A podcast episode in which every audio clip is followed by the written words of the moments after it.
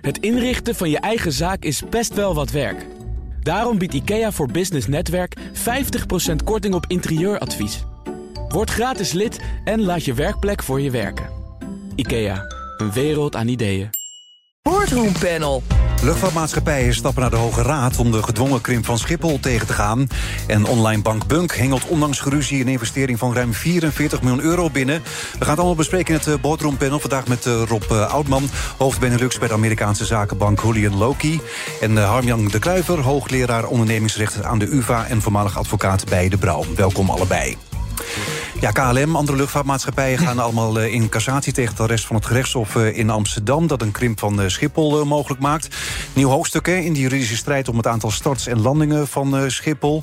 Was het te verwachten dat de luchtvaartmaatschappijen naar de Hoge Raad zouden stappen? Ja, ik, ik, ik, denk dat het in ieder geval logisch is dat ze voor recht op komen. Kijk, uiteindelijk heeft de overheid gedacht via de experimenteerregeling even ehm, die krimp door te kunnen voeren. Maar er zijn allerlei EU-afspraken over hoe je dat soort dingen doet. Ja. En ja, net zoals de omwonenden recht hebben om, om hun recht te verhalen, heeft Schiphol dat ook. Dus ik ik vind die van logisch dat ze daar uh, hebben gezegd... ja, wij willen ook gewoon dat de procedures worden gevolgd. En zij vonden de procedures die werden gevolgd niet heel logisch... Uh, onder de experimenteerregeling. Mm. En uh, zijn in eerste instantie ook door... is dat, was de rechter het mee eens. En bij een hoge rechter dus niet mee eens. En ja, dan hou je de Hoge Raad nog over. Maar gelukkig hebben we in de boord een, een jurist... die daar nog veel meer van weet. Ja, want inderdaad, waarom is dan die experimenteerregeling? Want in eerste instantie heeft de rechter dus gelijk gegeven. Het mocht niet. Het gerechtshof heeft later gezegd... ja, die krimp mag dan weer wel. En die experimenteerregeling, waarom is die dan gebruikt? Want officieel zou je toch eigenlijk Europese regels moeten volgen? Ja, nou, dat is helemaal juist. Uh, wat er nu is gebeurd, is dat men heeft aangeknoopt bij de geluidsoverlast. Uh, dat heeft een heel lange, heel lange geschiedenis. Dat gaat al terug tot uh, eh, 2007 of 2008. Zolang Schiphol bestaat misschien. Wel zolang als Schiphol ja. bestaat. Ja. Ehm, en nu wordt die, die, die geluidsregeling, die in 2015 of 2014 is aangepast... daarvan zegt nu de overheid van nou, dat gaan we weer terugdraaien. Wat gebeurde er ehm, in 2000, ergens rond 2015? Is er gezegd eh, we gaan de geluidsnormen anders uh, definiëren, mhm. waardoor er meer ruimte kwam voor vliegbewegingen. Dus het ging om het geluid en het gevolg waren, de vliegbewegingen. Nou, dat heeft zo'n acht jaar uh, nu geduurd en nu heeft de overheid gezegd, die, die regeling die draaien we terug. Uh, uh, en dus uh, komen er weer strengere geluidsnormen en wordt er ook strenger op gehandhaafd. En het bijgevolg daarvan is dat er een krimp is. En daar gaat eigenlijk de discussie over. Is nou die krimp beoogd?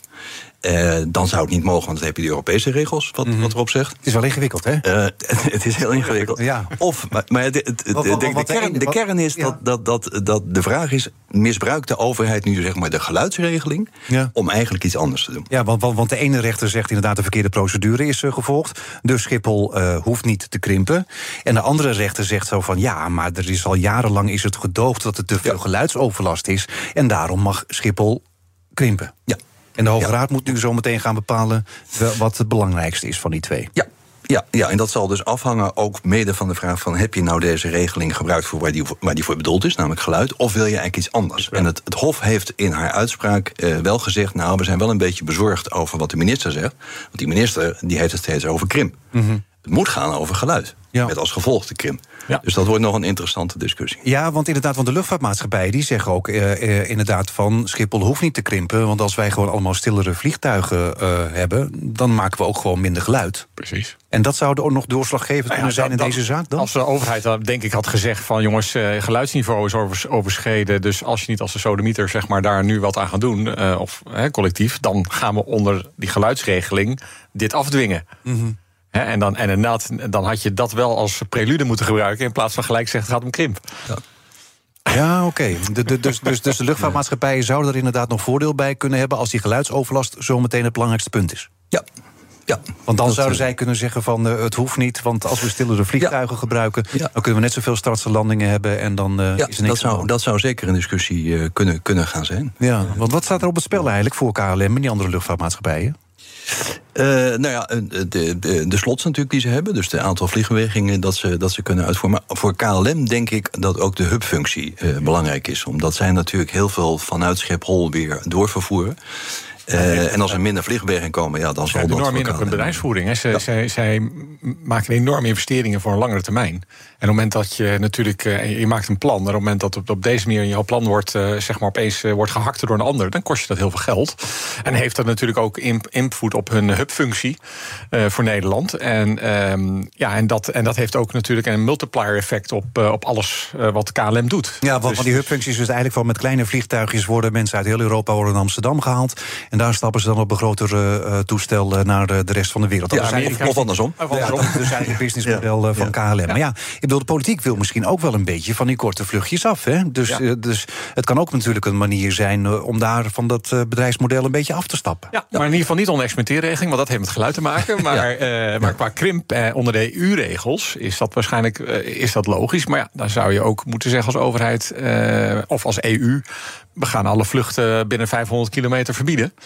Uh, maar dan zou ik ook zeggen van als, als maatschappij van ja, bied dan ook goed alternatief in de vorm van hoge snelheidslijnen ervoor hmm. terug. En dat loopt in Europa ook uh, vrij, uh, in, in, vrij zanderig. Ja, wat, wat, wat zeggen jullie nou eigenlijk dat het een beetje oneigenlijk is om dan deze regeling dan te gebruiken om Schiphol maar te laten krimpen? Omdat je eigenlijk van die korte vluchtjes af wil en eigenlijk tegen KLM zegt van verzin maar een nieuw businessmodel? Uh, ja, dat, het, is, het is een oneigenlijk gebruik uh, door de overheid om snel iets te doen. Omdat die Europese procedure die er ook is, ja, die duurt natuurlijk langer. Ja. Uh, maar goed, als je, als je eerder was begonnen als overheid, dan was je al een stuk op streek geweest natuurlijk. Dus het, ja, het is ook een beetje, men heeft wel een beetje boter op het hoofd. Hoezeer ik ook begrip heb voor het feit dat je natuurlijk minder, minder vliegen, vliegbewegingen wil en minder op Schiphol minder van Schiphol gebruik wil laten maken. Ja, want wordt nu langs ook een beetje een economisch moeras. Hè? Want in die, inderdaad, die experimenteerregeling is er. Harbers is later alsnog dan die Europese regeling uh, is die, uh, dan begonnen. Ja, dat betekent natuurlijk ook alleen maar uitstel. Door de luchtvaartmaatschappijen gaan nu ook naar de, de Hoge Raad toe. Ja. Ja, dat zou niet morgen geregeld zijn, nee. denk ik. Hè? Nee, het is wat dat betreft uh, de oude wijsheid van... if you want to move fast, sometimes you have to move slow. En dat is uh, ja. hier niet gebeurd. Ja. En, uh, en, dat zijn de effecten dan, hè? Ah, ja, en misschien voor de luchtvaartmaatschappij ook wel slim om in cassatie te gaan... want daarmee duurt het allemaal nog langer. Want het zou eerst in november al moeten ingaan, die krimp. Nou, dat gaat natuurlijk van zo lang als de levensdagen niet meer lukken. Nee, de, de eerst mogelijke datum die het Hof heeft, heeft geïdentificeerd... is maart volgend jaar. Maar daar heeft het Hof bijgezegd... nou, het lijkt ons niet, niet heel waarschijnlijk dat het allemaal lukt voor maart. Dus het wordt sowieso langere termijn. Ja, dus uh, Schiphol kan uh, volgend jaar nog gewoon het aantal starts en landingen doen wat ze tot nu toe ook hebben gedaan. Uh, nou ja, dat, dat, dat is de vraag natuurlijk wat, er, wat er gebeurt bij de Hoge Raad. het, nou hof, het, hof, het Hof heeft nu gezegd. In maart ermee begint. Nee, precies. Maart, maart is zeg maar een soort van absolute begindatum. Daarvoor gaat er sowieso niks veranderen. Maar vanaf maart zou dat, als de Hoge Raad het, het, het goed blijft vinden, ja. dan zou het door kunnen gaan. Wat denken jullie, wie maakt de meeste kans? Oei, uh, ik, denk dat, uh, ik denk dat Schiphol een goede kans maakt. Uh, door na te, ja, Schiphol wil krimpen, hè? Ja. Ja, ja. Schiphol, nou, in ieder geval de KLM, in ieder geval goede kans maakt. je hebt helemaal gelijk. omdat door, door en na toch het, het nadruk leggen op krimp. en, en niet op de geluid. Maar goed, dat, dat is aan de rechters te beoordelen. Ja, er zijn zoveel open, open. Het is eigenlijk een vergelijking met heel veel onbekenden. En ja, we weten allemaal dat die lastig zijn op te lossen. Dus het is maar net waar je de nadruk op legt als rechter, ja. waar, je, waar je uitkomt. Dus uh, ik zou zeggen 50-50. Ja, wat naast die juridische en economische aspecten, ja, er spelen nog andere factoren. factoren Er zijn uh, luchtvaartverdragen zijn er afgesloten. Ik bedoel, Amerikaanse uh, luchtvaartmaatschappijen die mogen zoveel landen op Schiphol als dat ze maar willen. Ik bedoel, met, er zijn met, ja, er, zijn met Qatar zijn er afspraken gemaakt. Want ja, ja wij willen ja. eigenlijk liever hun gas ook natuurlijk ook nog stiekem hebben ook. Ja. dat ook, nou, het, het, ook nog allemaal. Ja, het, het, het Hof zegt ook in die uitspraak. Uh, het is evident dat een aantal maatschappijen, met name de leisure uh, companies, dus Ryanair, uh, dat soort maatschappijen, dat die ernstige schade hiervan gaan ondervinden. Maar die vliegen al niet heel veel van Schiphol, dus, toch? nee. Ja, ja, blijkbaar verwacht men toch nog verdere schade. En dat zou natuurlijk weer kunnen betekenen dat de overheid wordt aangesproken en, en, geld moet ophoesten. Dan moeten ze schadevergoeding betalen. Ja, dat zou allemaal kunnen. BNR Nieuwsradio. Zaken doen. Edwin Mooibroek. We zitten midden in het boterhampanel vandaag met eh, Rob Oudman en Harmjan eh, de Kluiver. Ja, online eh, bank Bunk heeft ondanks een langslepend dispuut... tussen oprichter Ali Nickman en de minderheidsaandeelhouder Pollen Street Capital... ruim 44 miljoen euro weten op te halen bij bestaande aandeelhouders. Ja, wat was nou de aanleiding, Rob, voor de die ruzie? Ja, nou ja, kijk, op het moment dat zo'n uh, bank hard groeit, dan neemt ook het garantievermogen wat er moet zijn ook toe.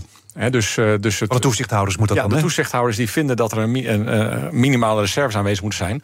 Anders is zo'n bank onvoldoende solvabel vanuit de regelgeving. Dus op het moment dat je een bank heel succesvol is en heel hard groeit, moet ook het garantievermogen toenemen. En normaal gesproken kun je dat ook vanuit de winsten doen. Maar als een, een, een start-up scalerbank is waarschijnlijk de winsten nog beperkt, omdat je nog heel hard aan het investeren bent in internationale groei. Ze verbranden nog heel veel geld ook. Ze, nou, misschien dat ze niet zo, maar ze, ze genereren nog niet genoeg winst om aan die grens, om die garantie in ieder geval uh, uh, aan, aan, aan, die voldoende garantiekapitaal te hebben.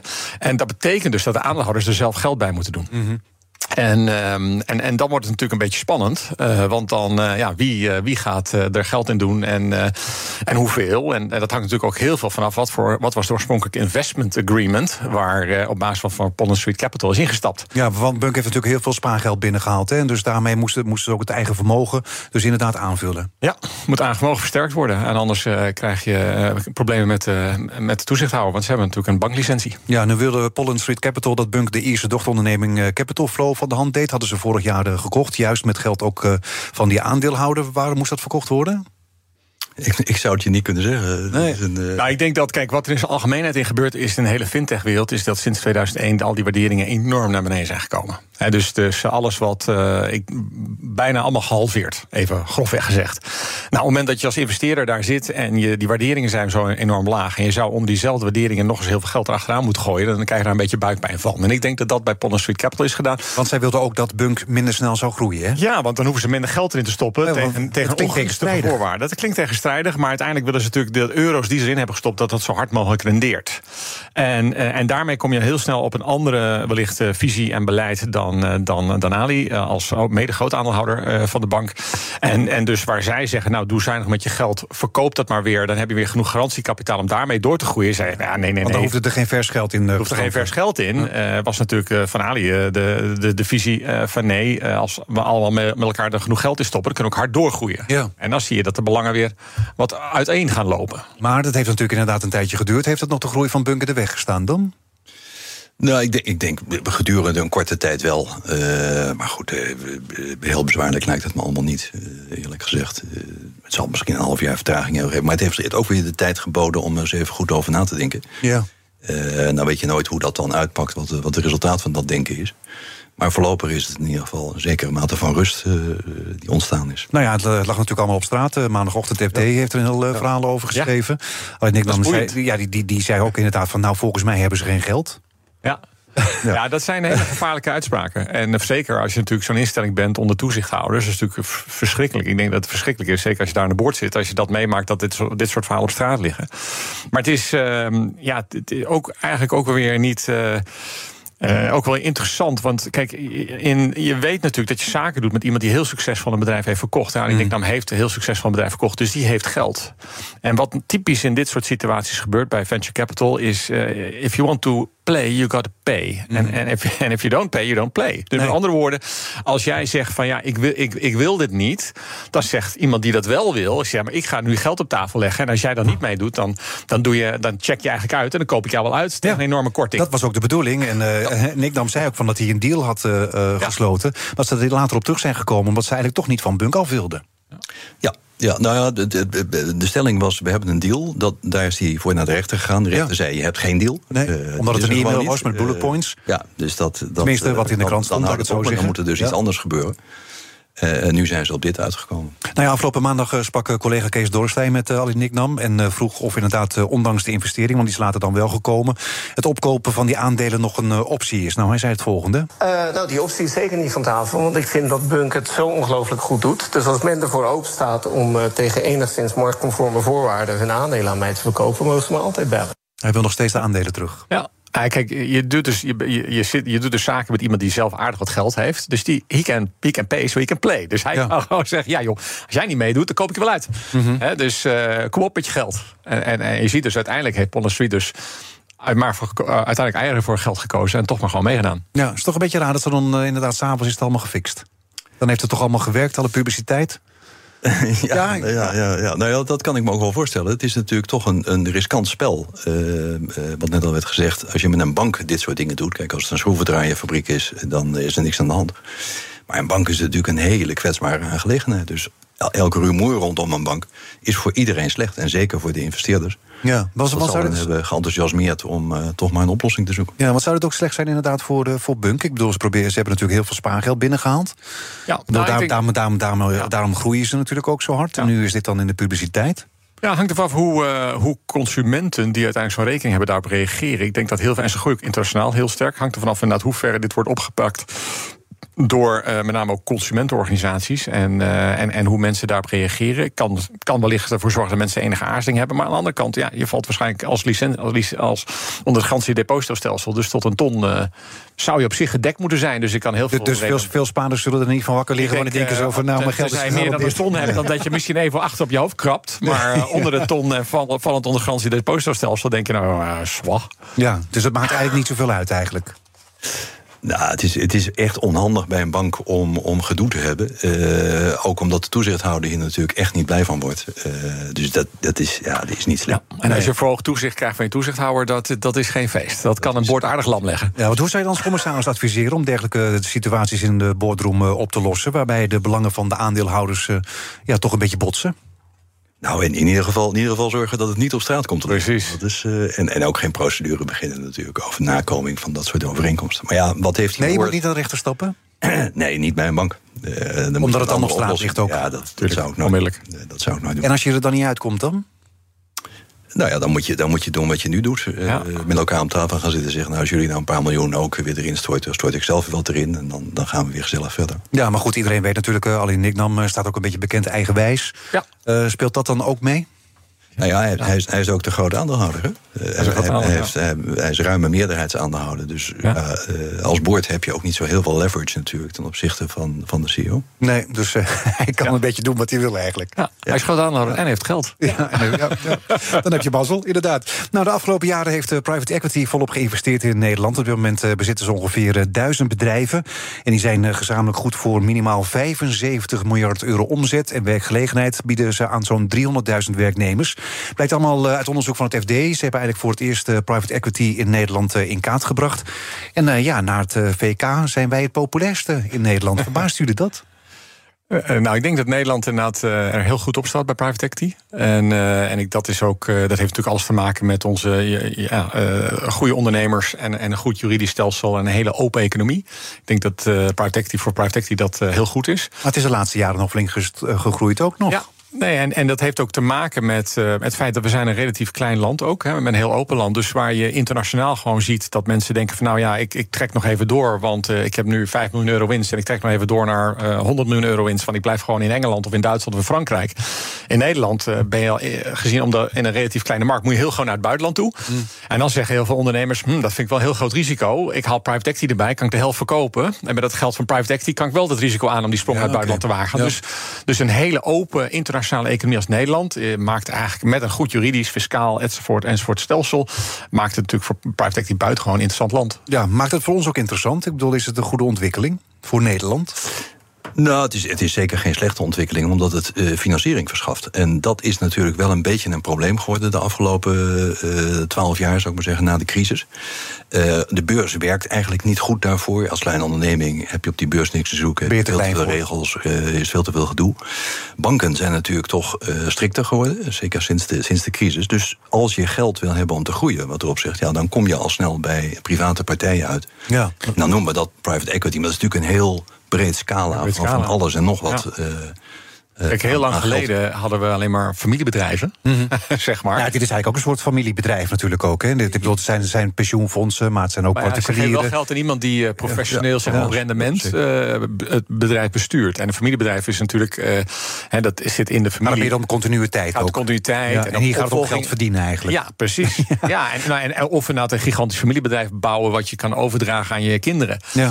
En ook daar zie je natuurlijk een verandering. Waar die familie, dus als je kijkt naar minder ontwikkelde landen, India, Turkije, daar wordt zo'n land gerund door vijf, zes families die honderd ja. bedrijven in bezit hebben. Ja. Ga je naar Nederland, zie je dat het veel professioneler eigenlijk al die bedrijven worden gerund. En daar heb je in de huidige markt private equity genodigd. Waarom? Omdat familiebedrijven niet eeuwig meer in bezit willen hebben. Heel veel ondernemers denken, nou, ik word 50, 60, mijn zoon en dochter doet het anders. Heeft er geen in? Nee.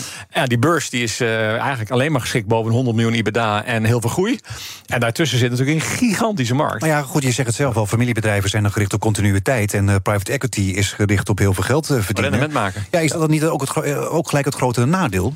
Nou, nee, ik denk uh, uiteindelijk wil je een effectieve allocatie hebben van kapitaal, goederen en middelen. Heb je een winstmechanisme en winstprincipe ja, nee, dat is waar, maar goed, dus, over het algemeen hebben ze ook een beetje de naam van, ik weet niet of het waar is, maar sprinkhanen, zeg maar. Nou, dus ze komen binnen bij het bedrijf, is, opzadelen met schulden, uh, zo snel mogelijk inderdaad groter maken zeker, en voor veel meer geld verkopen. Nou, dat is de essentie van het, van het model. En dat betekent dus, als het allemaal goed gaat, is, is iedereen blij. Dan zijn de, de oorspronkelijke eigenaren blij, uh, dan zijn de, de private equity partijen blij. Als het niet goed gaat, ja dan heb je, dan, dan heb je een groot probleem. Ja. Uh, en ja, dat, dat zie je natuurlijk ook in de praktijk. En die dingen komen ook weer in de krant. Uh, dus daar zit een risico aan. En die risico's uh, moet je zoveel mogelijk proberen voor te zijn. Dus dat betekent ook dat je, dat je niet naïef moet zijn als, als uh, uh, eigenaar van een onderneming of familie. Maar hoe kan je de risico's dan voor, voor zijn? Want ja. nu meestal wordt dan zo'n bedrijf opgezadeld met schuld. Ja. En als ze dan ja. failliet zijn, als private equity staat ook dan meestal vooraan in de rij om als eerste als, uh, de zekerheid hebben gekregen. Wel, als ze zekerheid hebben gekregen. Maar dat, ook dat, dat spel wordt steeds professioneler gespeeld. Ik denk, kijk, in eerste instantie is management daarvoor verantwoordelijk. Die is er zelf bij. En ook, je hebt ook daar de ondernemingsraad die een advies zeg maar, moet uitbrengen over de financiering. En ook, gelukkig spelen die dat ook steeds professioneler.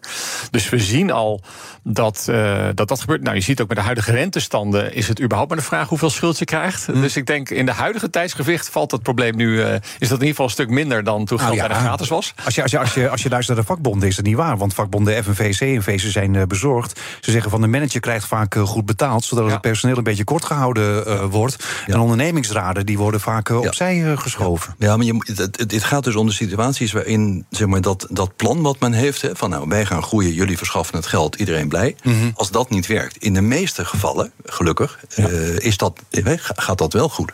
En profiteert iedereen van, uh, inclusief de werknemers. Als het, als het minder goed gaat, ja, dan, dan begint het ja. met, met hele goede afspraken maken...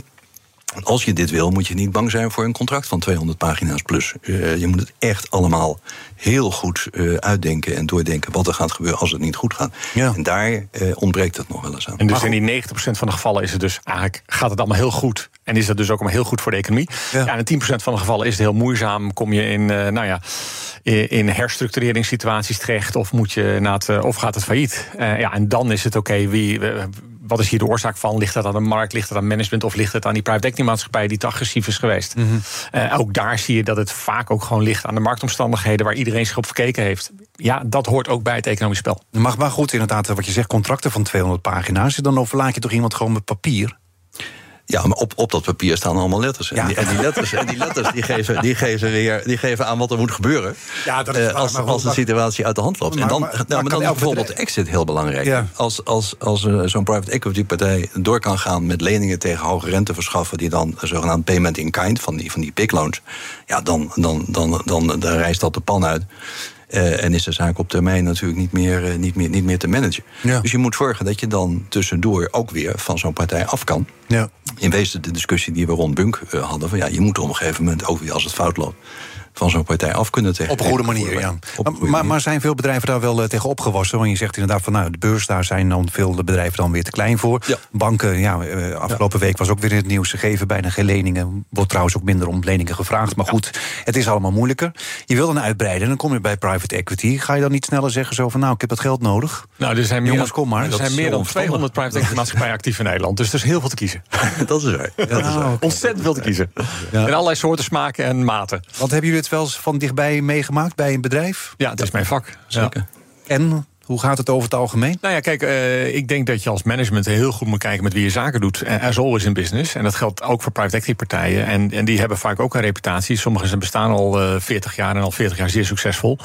En daar kun je natuurlijk ook je, je, referenties checken en je due diligence op doen met wie je zaken doet. En, en dan weet je ook wat voor vlees je in de kuip hebt. Zijn het mensen die als het tegenvalt de geld in blijven steken? Of zijn het mensen die dan gelijk met de Noorderzon zijn vertrokken? Ook dat kun je allemaal wel checken van tevoren. Dus, maar dan nog, dus geen garantie tegen de markt die instort. Wil dan, dan, dan ga je met hoge leverage ga je natuurlijk gouden bietenbrug op. Ja. Maar uh, als, je, als je conservatief uh, plannen maakt en, en goed, je, goed, je de, uh, en goed je due diligence doet met, met wie je zaken doet, dan, dan kun je prima. Nou, in 90% van de gevallen gaat het dus goed. Ja, oké. Okay. Wordt je bedrijf er beter van? Uh, in een aantal gevallen is dat zeker, is dat zeker zo. Omdat je, omdat je natuurlijk het geld hebt om te doen wat je wilde doen. Het begint bij een plan van ondernemer. Ik wil dit, ik wil dat, ik wil zus. Daar heb ik geld voor nodig. Nou, als, dat, als dat plan uh, inderdaad uh, wordt, wordt nagevolgd en uitkomt... Ja, dan wordt het bedrijf daar op zichzelf beter van. Als het een goed plan is. Maar daar gaan we dan Maar bij beurslieveling IMCD, daar was ik bij betrokken. Toen maakten ze nog 20 miljoen IBDA. Private Equity stapte ja. toen in. was een desinvestering van International Muller die, wat, moeten we met die business? Die verkocht het. Private equity zei, nou, we zien wel potentie erin. Die kocht het, stelde IMCD in staat om overnames te doen. Toen groeide het naar uh, zo'n 35 miljoen IBDA. Toen is het verkocht aan de volgende private equity. Die heeft het weer gegroeid tot 65 miljoen IBDA. Die heeft weer verkocht aan de volgende private equity. Die heeft het weer gegroeid naar 130 miljoen IBDA. Sindsdien is het beursgenoteerd en beurslieveling. Dus het kan heel goed. Ja, en Action ook geloof ik, hè, van 300 miljoen naar de ja. heel veel miljoen. Dus er zijn ook heel veel mooie succesverhalen... Wat, wat anders in Nederland niet mogelijk was geweest. Dus... Dank jullie wel. Rob uh, Oudman, hij is hoofd Benelux bij de Amerikaanse zakenbank, uh, zakenbank Julian Loki. En Harmjan uh, de Kluiver, hoogleraar ondernemingsrecht aan de UvA... en voormalig advocaat bij De Brouw. Dit panel is ook te beluisteren als podcast. Abonneer je vooral even via je favoriete kanaal of via de BNR-app. En zometeen gaan we het hebben over bedrijven... die energie moeten delen op het overvolle stroomnet. Een kleine update maakt een wereld van verschil. Daarom biedt IKEA voor Business Netwerk... gratis snelle interieurtips en ideeën... Word gratis lid en laat je werkplek voor je werken. IKEA, een wereld aan ideeën.